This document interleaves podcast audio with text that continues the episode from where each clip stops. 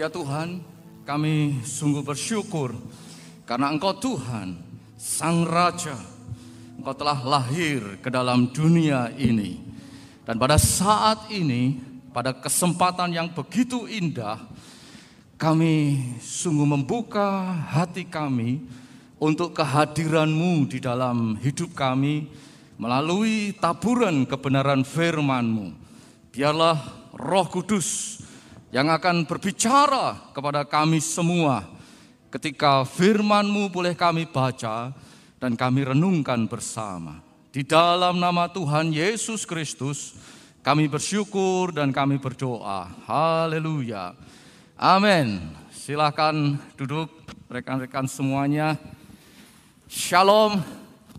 Kita sangat bersuka cita ya pada saat yang indah ini kita bersyukur banget kita bisa merayakan ya kita di bulan Natal ini di bulan Desember kita bisa menghayati kembali Kristus yang telah lahir ke dalam dunia. Saya senang sekali kalau ketemu dengan teman-teman yang masih muda, kalau ibadah itu begitu antusias ya. Baik yang ada di ruangan ini maupun teman-teman yang ada di rumah yang mengikuti ibadah ini secara streaming ya. Ya, memang di dalam ibadah kita, penyembahan kita kepada Tuhan biarlah itu bisa kita lakukan dengan penuh antusiasme. Kita jangan mau kalah dengan orang-orang majus ya, mereka datang dari tempat yang begitu jauh melakukan perjalanan berkilo-kilometer untuk datang menyembah kepada Tuhan. Dan sore hari ini ya kita akan merenungkan firman Tuhan di dalam tema Unwrapping Christmas.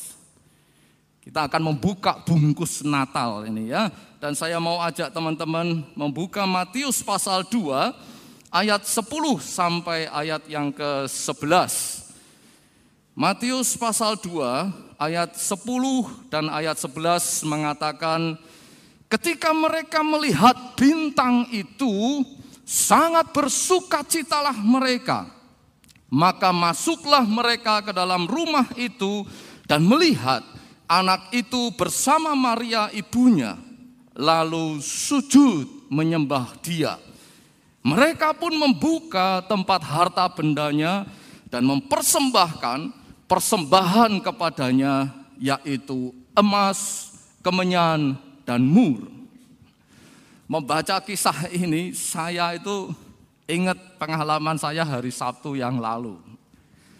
Pagi-pagi bangun tidur, ya setelah saya saat teduh mendengarkan audio sinar kasih, kemudian saya berdoa. Setelah itu baru saya uh, buka WhatsApp ya. Ada pesan masuk, yaitu ada seseorang yang mengirim undangan ulang tahun. Wah, saya sebagai rasa hormat ya menghargai undangan itu, saya menyatakan kesediaan saya akan hadir. Tapi kemudian saya bingung, wah ini harus saya kasih kado apa? Ya. Saya harus bawa kado apa? Untungnya ada Mbah Google ya, saya searching kalau diundang ulang tahun sama seseorang yang begini, begini, begini, kira-kira kado yang tepat itu apa? Mbah Google ngasih jawaban ya. Kalau ada emas, kasih buku atau aromaterapi. Kalau emas, wah ya kemahalan ya. ada dua alternatif buat saya. Eh, buku atau aromaterapi. Wah, kemudian saya sama istri ya, anak saya kebetulan ya waktu itu kami sekalian keluar gitu ya. Wah, begitu apa ya, begitu heboh gitu ya. Cari ke toko buku Gramedia, lihat-lihat, wah tidak ada yang cocok ya. Akhirnya saya putuskan, sudahlah aromaterapi. Sepertinya itu oke juga. Cari-cari di mana ada toko aromaterapi Akhirnya ada yang jual online, bisa kami pesan, kami minta untuk bisa dikirim sebelum jam sekian ya karena acaranya jam 5 sore begitu. Udah singkat cerita, kado sudah saya siapkan, kemudian saya berangkat ke acara ulang tahun itu. Nah begitu sampai di tempat, saya lihat-lihat, ternyata tidak ada yang bawa kado. Ya. Karena yang punya acara ulang tahun ini, ya sebut saja seorang sultan begitu ya. Seolah-olah kalau ulang tahun itu tidak perlulah dikasih kado gitu. Wah dalam hati saya, Untung saya bawa kadonya itu aromaterapi yang ukurannya kecil ya, satu botol kecil. Coba kalau saya bawa kulkas dua pintu atau TV, smart TV 60 inch gitu kan, susah saya untuk menyembunyikannya ya, karena ini ukurannya kecil ya, jadi bisa disembunyikan sedemikian rupa. Saudara-saudara, pernah enggak ngalami yang seperti itu ya? Kita bingung cari kado yang cocok buat orang yang ngundang kita. Katakanlah untuk sebuah acara ulang tahun seperti itu. Mengapa kadang kita harus bingung ya mencari kado yang cocok ya? Karena mau tidak mau ketika kita mau memberikan sesuatu kepada orang yang mengundang kita, tentu kita harus sedikit banyak tahu ya siapa orang itu. Kalau orang itu bagi kita adalah orang yang spesial, ya saya yakin kita akan berusaha untuk memberikan kado yang spesial juga. Dan ini persis ya tercermin di dalam kisah mengenai orang-orang Majus. Setelah mereka melihat tanda bintang dan itu seperti sebuah undangan bagi mereka untuk datang kepada bayi yang baru dilahirkan itu. Ya, tanda bintang itu memberikan petunjuk kepada mereka bahwa sosok bayi yang baru lahir itu ini bukan bayi biasa, tetapi ini adalah bayi yang spesial. Nah, karena mereka tahu ya bahwa ini adalah bayi yang spesial, maka mereka pun mempersiapkan kado persembahan yang spesial. Ada emas, kemenyan, dan kemudian mur. Mungkin teman-teman tanya ya, loh, kenapa Tuhan Yesus diberikan kado semacam itu? Sebenarnya kalau kita ingin mengenali seseorang, kita bisa melihat dari kadonya. Ya. Misalkan saja nih ya, ada anak remaja ulang tahun, kalau dia dapat kadonya misalkan iPhone 13 Pro Max begitu. Wah, ini anak ini pasti anak sultan begitu ya. Karena tidak mungkin kalau apa eh, orang biasa begitu kadonya misalkan iPhone 13 Pro Max begitu kan tidak mungkin.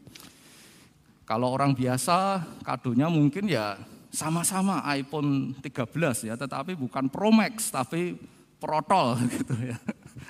Kameranya kayaknya tiga, tapi kalau dibongkar itu ternyata yang fungsi hanya satu gitu. Dan itu pun hasilnya kalau buat motret atau bikin video burem semua. Nah, melalui kado yang dibawa oleh orang Majus ini, kita pun dapat mengenali siapakah sang bayi spesial itu. Siapakah Yesus yang baru dilahirkan itu. Kado yang pertama, ya, ketika di unboxing begitu, isinya adalah emas. Tidak disebutkan ya emasnya itu berapa kilogram, kemudian bentuknya seperti apa, apakah emas batangan ataukah emas dengan bentuk tertentu tidak disebutkan di sana ya.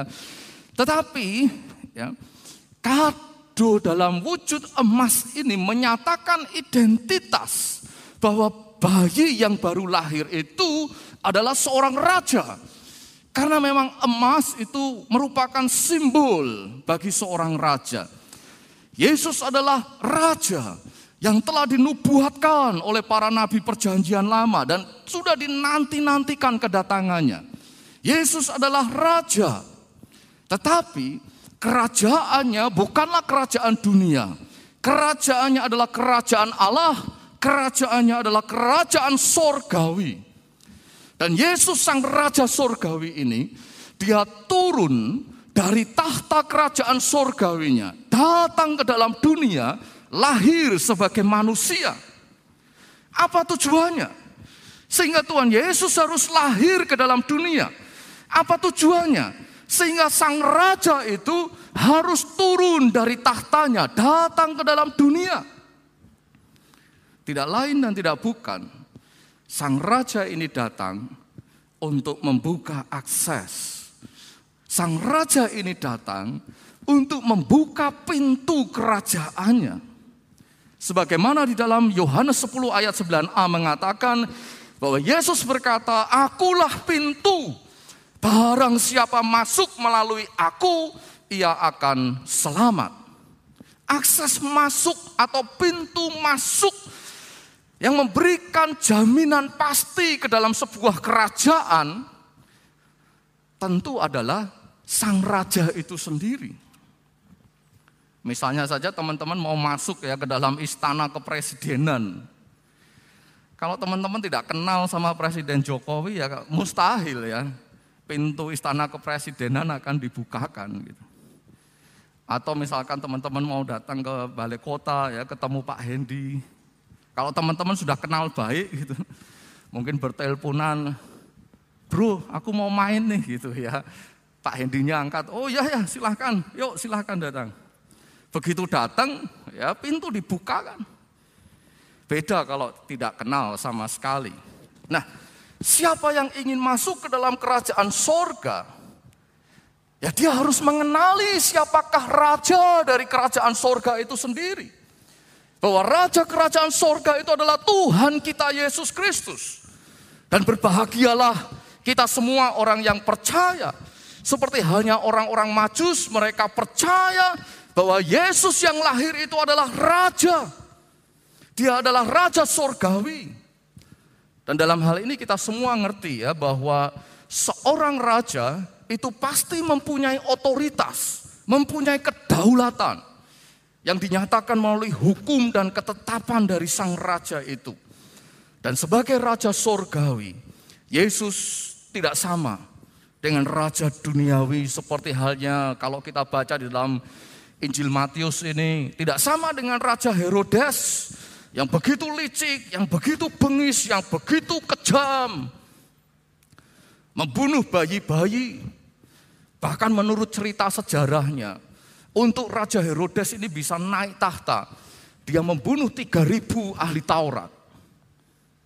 Dia membunuh 3000 orang-orang Farisi. Yesus tidak demikian. Karena Tuhan Yesus memerintah kerajaannya dengan satu hukum, yaitu hukum kasih. Hukum yang berlaku di dalam kerajaan Allah adalah hukum kasih. Sehingga kalau kita mengakui bahwa Yesus itu adalah raja kita, kita harus mengakui kedaulatannya dan kita harus mengikuti ketetapannya, mengikuti hukum yang berlaku, yaitu kasih. Oleh karena itu, kita sebagai orang-orang muda, tidak usah tunggu nanti ya untuk belajar hidup di dalam kasih sedini mungkin. Mari kita belajar hidup di dalam kasih. Baik kasih kita kepada Tuhan maupun kasih kita kepada sesama kita, kepada orang di sekitar kita. Dalam kasih kita kepada Tuhan sebagai anak-anak muda, cintailah Tuhan. Setialah untuk beribadah. Gunakanlah waktu untuk bersaat teduh, membaca firman Tuhan, berdoa kepada Tuhan. Sedangkan dalam wujud kasih kepada sesama, tidak usah jauh-jauh. Belajarlah hormat kepada orang tua. Kasihilah ya kakak ataupun adik anggota keluarga yang ada di dalam keluarga saudara. Jangan pernah ya, menyakiti, ya, apalagi melukai orang lain. Jangan. Dan dunia ini kita sedang diperhadapkan dengan situasi yang begitu mengerikan. Ya, banyak sekali anak-anak remaja, orang-orang muda, mereka betul-betul hidup jauh dari kasih. Kejahatan-kejahatan yang dilakukan oleh anak-anak muda sekarang juga semakin intensif. Kita sebagai orang-orang yang percaya bahwa Yesus itu adalah raja di dalam hidup kita. Biarlah Yesus yang memerintah hidup kita dengan hukum kasih. Yang kedua, ya, kado kedua ketika itu di unboxing, ya, isinya adalah kemenyan. Mungkin teman-teman bingung ya, ini kok kadonya kemenyan ini? Karena waktu saya kecil, setahu saya kemenyan itu ya digunakan oleh dukun-dukun gitu ya. Kalau mereka membuat sesaji atau mantra-mantra itu kan pakai kemenyan gitu. Ini Yesus kok diberi kemenyan. Apakah Yesus dukun? Ya bukan, ya tidak, sama sekali tidak. Kemenyan ini adalah kelengkapan di dalam ibadah bait suci Yerusalem dan para imam biasanya menggunakan kemenyan itu di dalam upacara-upacara korban bagi Tuhan. Dan dari sini kita dapat memahami bahwa persembahan kemenyan yang diberikan oleh para majus itu menyatakan identitas Yesus sebagai imam besar kerajaan sorgawi. Bait suci sorgawi.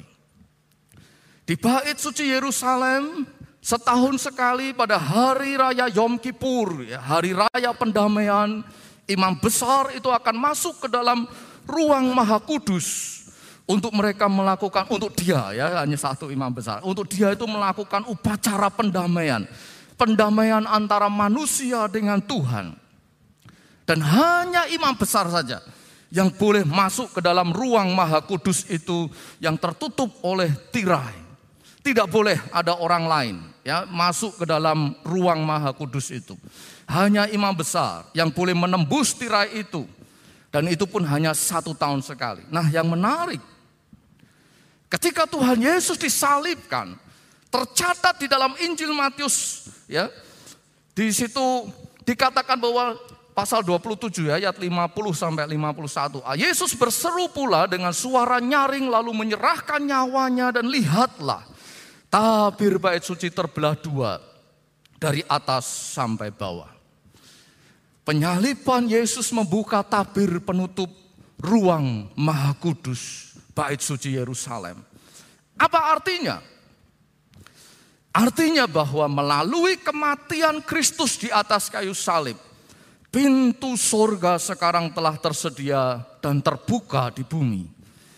Bahwa di bumi tersedia akses masuk untuk berjumpa dengan Allah Bapa di sorga yang bersemayam di tempat yang maha kudus. Salib menjadi undangan bagi kita untuk datang kepada Bapa di surga. Di dalam Kristus, ya di dalam Kristus, kita mempunyai akses untuk kita berjumpa dengan Tuhan, Bapa di surga.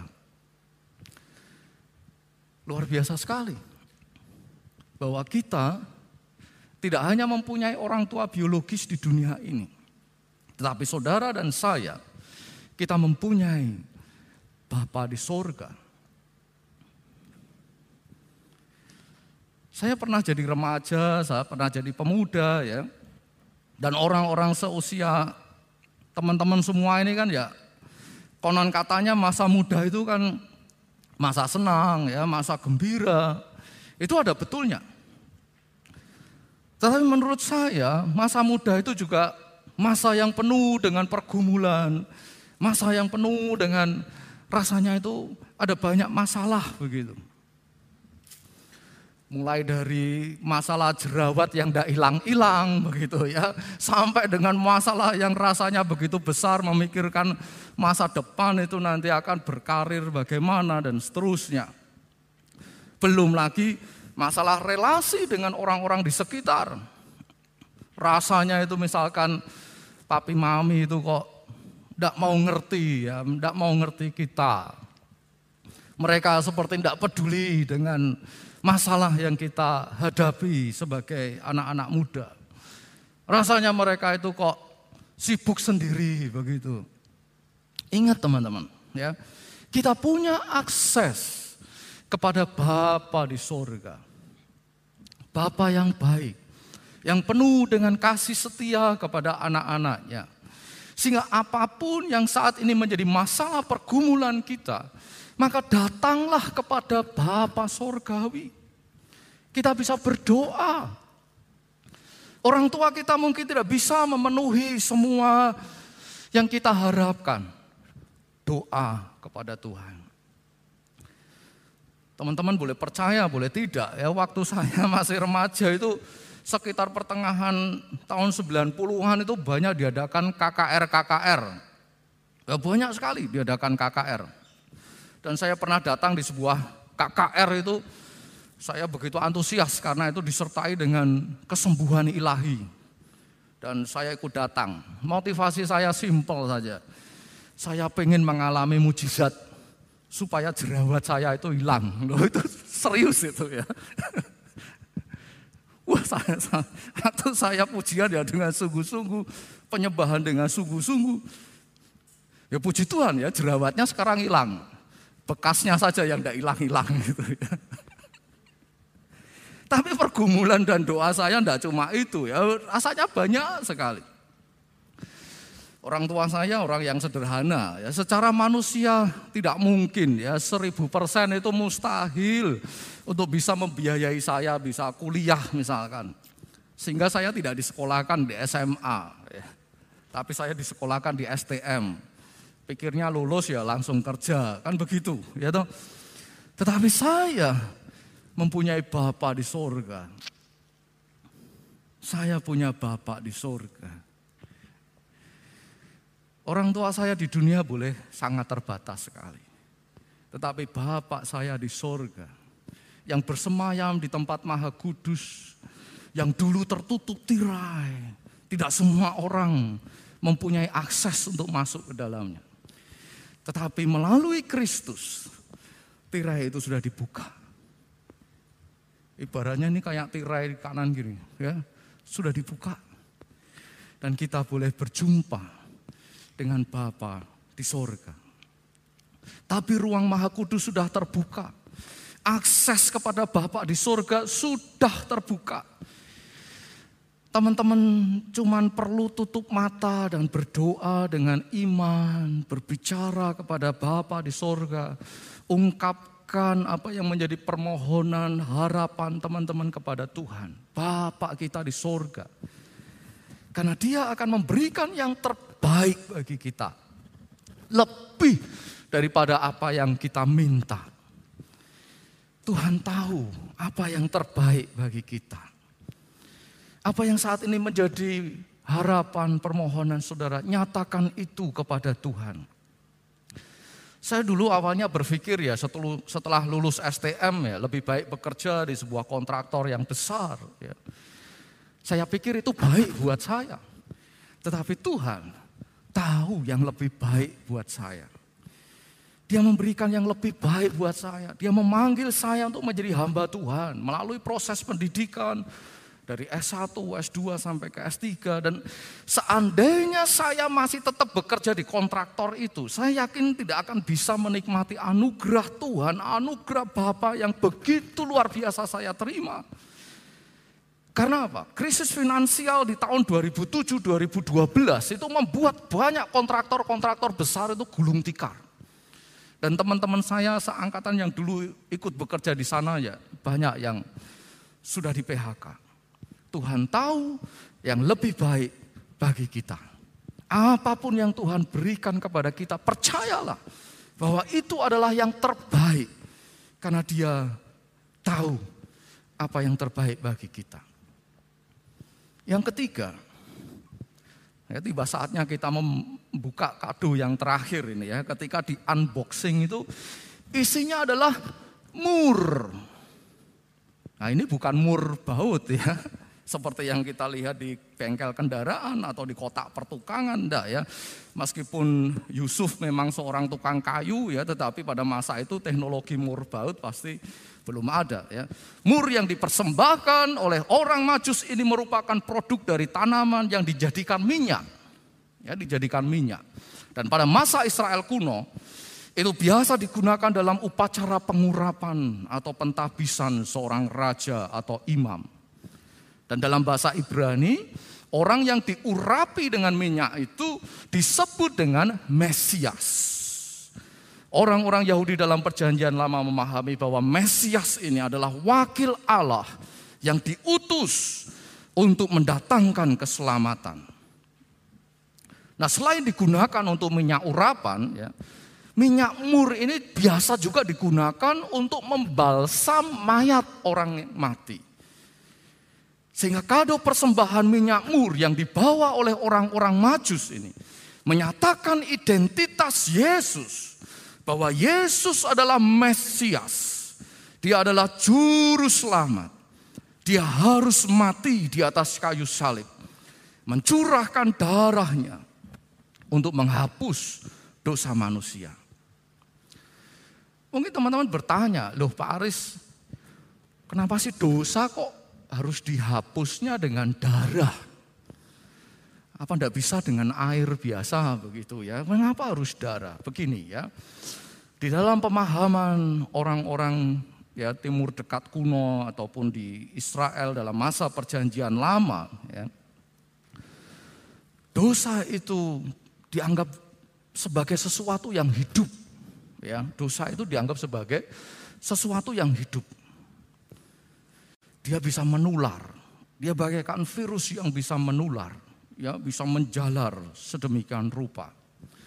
Dan sumber dosa ini adalah sikap pemberontakan kepada Tuhan. Seperti virus, virus dosa ini adalah virus yang mematikan. Mengapa? Karena dosa yaitu sikap pemberontakan kepada Tuhan, itu membawa manusia itu menjauh dari Tuhan. Tuhan kan sumber kehidupan. Begitu manusia menjauh dari Tuhan, terputus relasi dengan Tuhan, maka dosa itu membawa manusia kepada kematian. Nah, apa yang bisa mengalahkan kematian? Ya tentu saja kehidupan, ya. Musuhnya kematian ya kehidupan. Nah sejak zaman perjanjian lama di banyak budaya juga ya dipahami bahwa di dalam darah itu terletak kehidupan.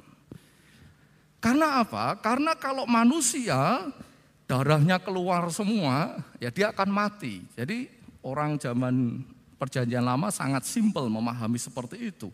Itu sebabnya darah itu menjadi simbol kehidupan. Dan dosa yang membawa kepada kematian ini hanya bisa dihapuskan dengan darah. Dan pada masa perjanjian lama untuk menebus dosa, orang Israel harus membawa korban binatang. Ya, binatang yang dijadikan korban itu haruslah binatang yang tidak mempunyai cacat. Binatang itu disembeli dan kemudian darahnya dipercikkan sebagai sarana untuk ya mentahirkan kembali dan juga menghapuskan dosa. Setiap tahun mereka melakukan upacara penghapusan dosa. Mengapa? Ya karena sesempurna apa pun darah binatang itu, itu tidak akan pernah sempurna. Ya. Entah itu darah lembu, kambing, domba, burung, merpati, tekukur, dan seterusnya. Ya, tidak pernah sempurna. Bersyukur kepada Tuhan yang oleh karena kasih dan kemurahnya, Tuhan memberikan anaknya yang tunggal Yesus Kristus lahir ke dalam dunia menjadi anak domba yang sempurna. Dan Yesus Kristus anak domba Allah mati di atas kayu salib mencurahkan darah bagi penebusan dosa. Darah Kristus adalah darah sempurna karena sama sekali tidak ada dosa di dalam diri Yesus. Artinya apa? Kalau dosa tadi adalah pemberontakan kepada Allah, di dalam diri Kristus sama sekali tidak ada niat untuk memberontak kepada Bapaknya yang di surga. Kesempurnaan kasih Kristus luar biasa. Dia dikandung dari benih roh kudus, lahir dari rahim seorang perawan. Dan sepanjang hidupnya tidak ada setitik pun dosa yang Yesus lakukan. Tidak ada sedikit pun niat di dalam diri Yesus memberontak kepada Bapaknya di surga. Yang ada adalah ketaatan penuh kepada Bapaknya. Dia taat sepenuhnya kepada kehendak Bapa. Bahkan taat sampai harus mati di atas kayu salib. Darahnya tercurah menjadi darah penebusan dosa yang sempurna. Itu sebabnya Tidak perlu ya kita orang Kristen membawa korban binatang untuk kita menerima penebusan dosa. Hanya dengan iman percaya kita menerima curahan darah Kristus untuk menghapus dosa-dosa kita. Bagaimana caranya? Ya dengan cara melalui simbolisasi baptisan. Ketika kita dibaptiskan, ditenggelamkan dalam air sebagai simbol keikutsertaan di dalam kematian Kristus. Apanya yang mati? manusia lama kita yang dikuasai oleh benih dosa itu sudah mati. Apakah berhenti di situ? Tidak. Karena di dalam baptisan setelah ditenggelamkan kita akan diangkat keluar dari air sebagai simbol bahwa kita ikut serta di dalam kebangkitan Kristus. Sama seperti Kristus disalib, mati namun pada hari yang ketiga dia bangkit kembali dan hidup. Demikian juga kita di dalam Kristus. Kita telah menjadi serupa di dalam kematiannya, tetapi kita juga menjadi serupa di dalam kebangkitannya. Yang mati itu adalah manusia lama kita. Dan yang bangkit itu adalah manusia kita yang baru. Bagi teman-teman yang belum dibaptis ya, mungkin nanti kalau katekisasi atau baptisan sudah mulai dibuka, bisa mengikutinya. Bagi teman-teman yang sudah dibaptis, ingat bahwa kita semua sudah lahir baru, mengenakan manusia baru.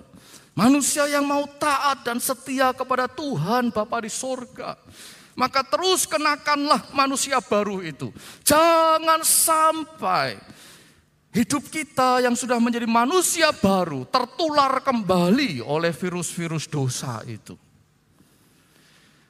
Coba kita perhatikan. Betapa mengerikannya kejahatan yang dilakukan oleh remaja-remaja atau anak muda sekarang.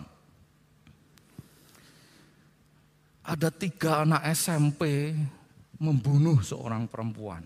Ngeri. Ada seorang anak masih SMA membunuh tenak, tetangganya sendiri yang usianya baru 11 tahun. Mengerikan sekali. Mereka yang ikut geng motor dan lain sebagainya dan lain sebagainya. Saudara-saudara, di dalam Kristus kita telah menjadi ciptaan baru. Kita telah lahir baru. Orang Majus telah menerima undangan untuk datang kepada Yesus melalui tanda bintang. Mereka membawa persembahan yang terbaik sebagai pengakuan bahwa Yesus itu adalah Raja Sorgawi. Yesus adalah imam besar Sorgawi. Yesus adalah Mesias Juru Selamat dunia. Bagaimana dengan kita? Sudahkah kita menjadikan Tuhan Yesus sebagai raja di dalam kehidupan kita? Bagaimana dengan kehidupan kita? Sudah kita, kita membangun persekutuan dengan Bapa kita di sorga yang begitu intim? Bagaimana dengan kehidupan kita? Sudahkah kita menjadi manusia yang baru? Sehingga pengorbanan Sang Mesias Juru Selamat itu tidak menjadi sia-sia di dalam kehidupan kita. Kiranya renungan firman Tuhan pada saat sore hari ini boleh menjadi pegangan di dalam hidup kita. Jadikan Tuhan Yesus sebagai Raja dalam hidupmu. Bangunlah persekutuan bersama dengan Bapamu yang di surga. Aksesnya sudah dibuka. Gunakan itu sebagai kesempatan yang baik. Dan hidupmu sudah ditebus oleh Mesias Sang Juru Selamat itu. Terus kenakanlah manusia baru hidup di dalam pembaharuan Kristus. Mari kita tunduk diri, kita berdoa kepada Tuhan. Ya Tuhan, kami sungguh mengucap syukur Engkau telah datang ke dalam dunia ini. Kami mau membuka segenap hidup kami. Jadilah Engkau ya Tuhan Yesus Raja atas kehidupan kami. Berdaulat penuh atas hidup kami tuntunlah setiap langkah kami. Ya Bapa di surga, kami mengucap syukur karena kami diingatkan kembali. Kami mempunyai Bapa yang sempurna, Bapa yang begitu baik atas kami semua. Terima kasih ya Tuhan, Engkau telah menjadikan kami sebagai anak-anakmu. Ajarlah kami untuk selalu taat dan setia kepadamu. Dan kami pun bersyukur karena engkau sudah menebus kami dari segala dosa kami. Biarlah kami boleh menanggalkan manusia lama kami. Dan kami boleh hidup sebagai manusia yang baru. dan terus engkau perbaharui. Terima kasih Tuhan, meteraikan firman-Mu di dalam hati dan kehidupan kami. Mampukan kami oleh kuasa roh kudus untuk menjadi pelaku firman-Mu. Di dalam nama Tuhan Yesus Kristus kami bersyukur, kami berdoa. Haleluya. Amin.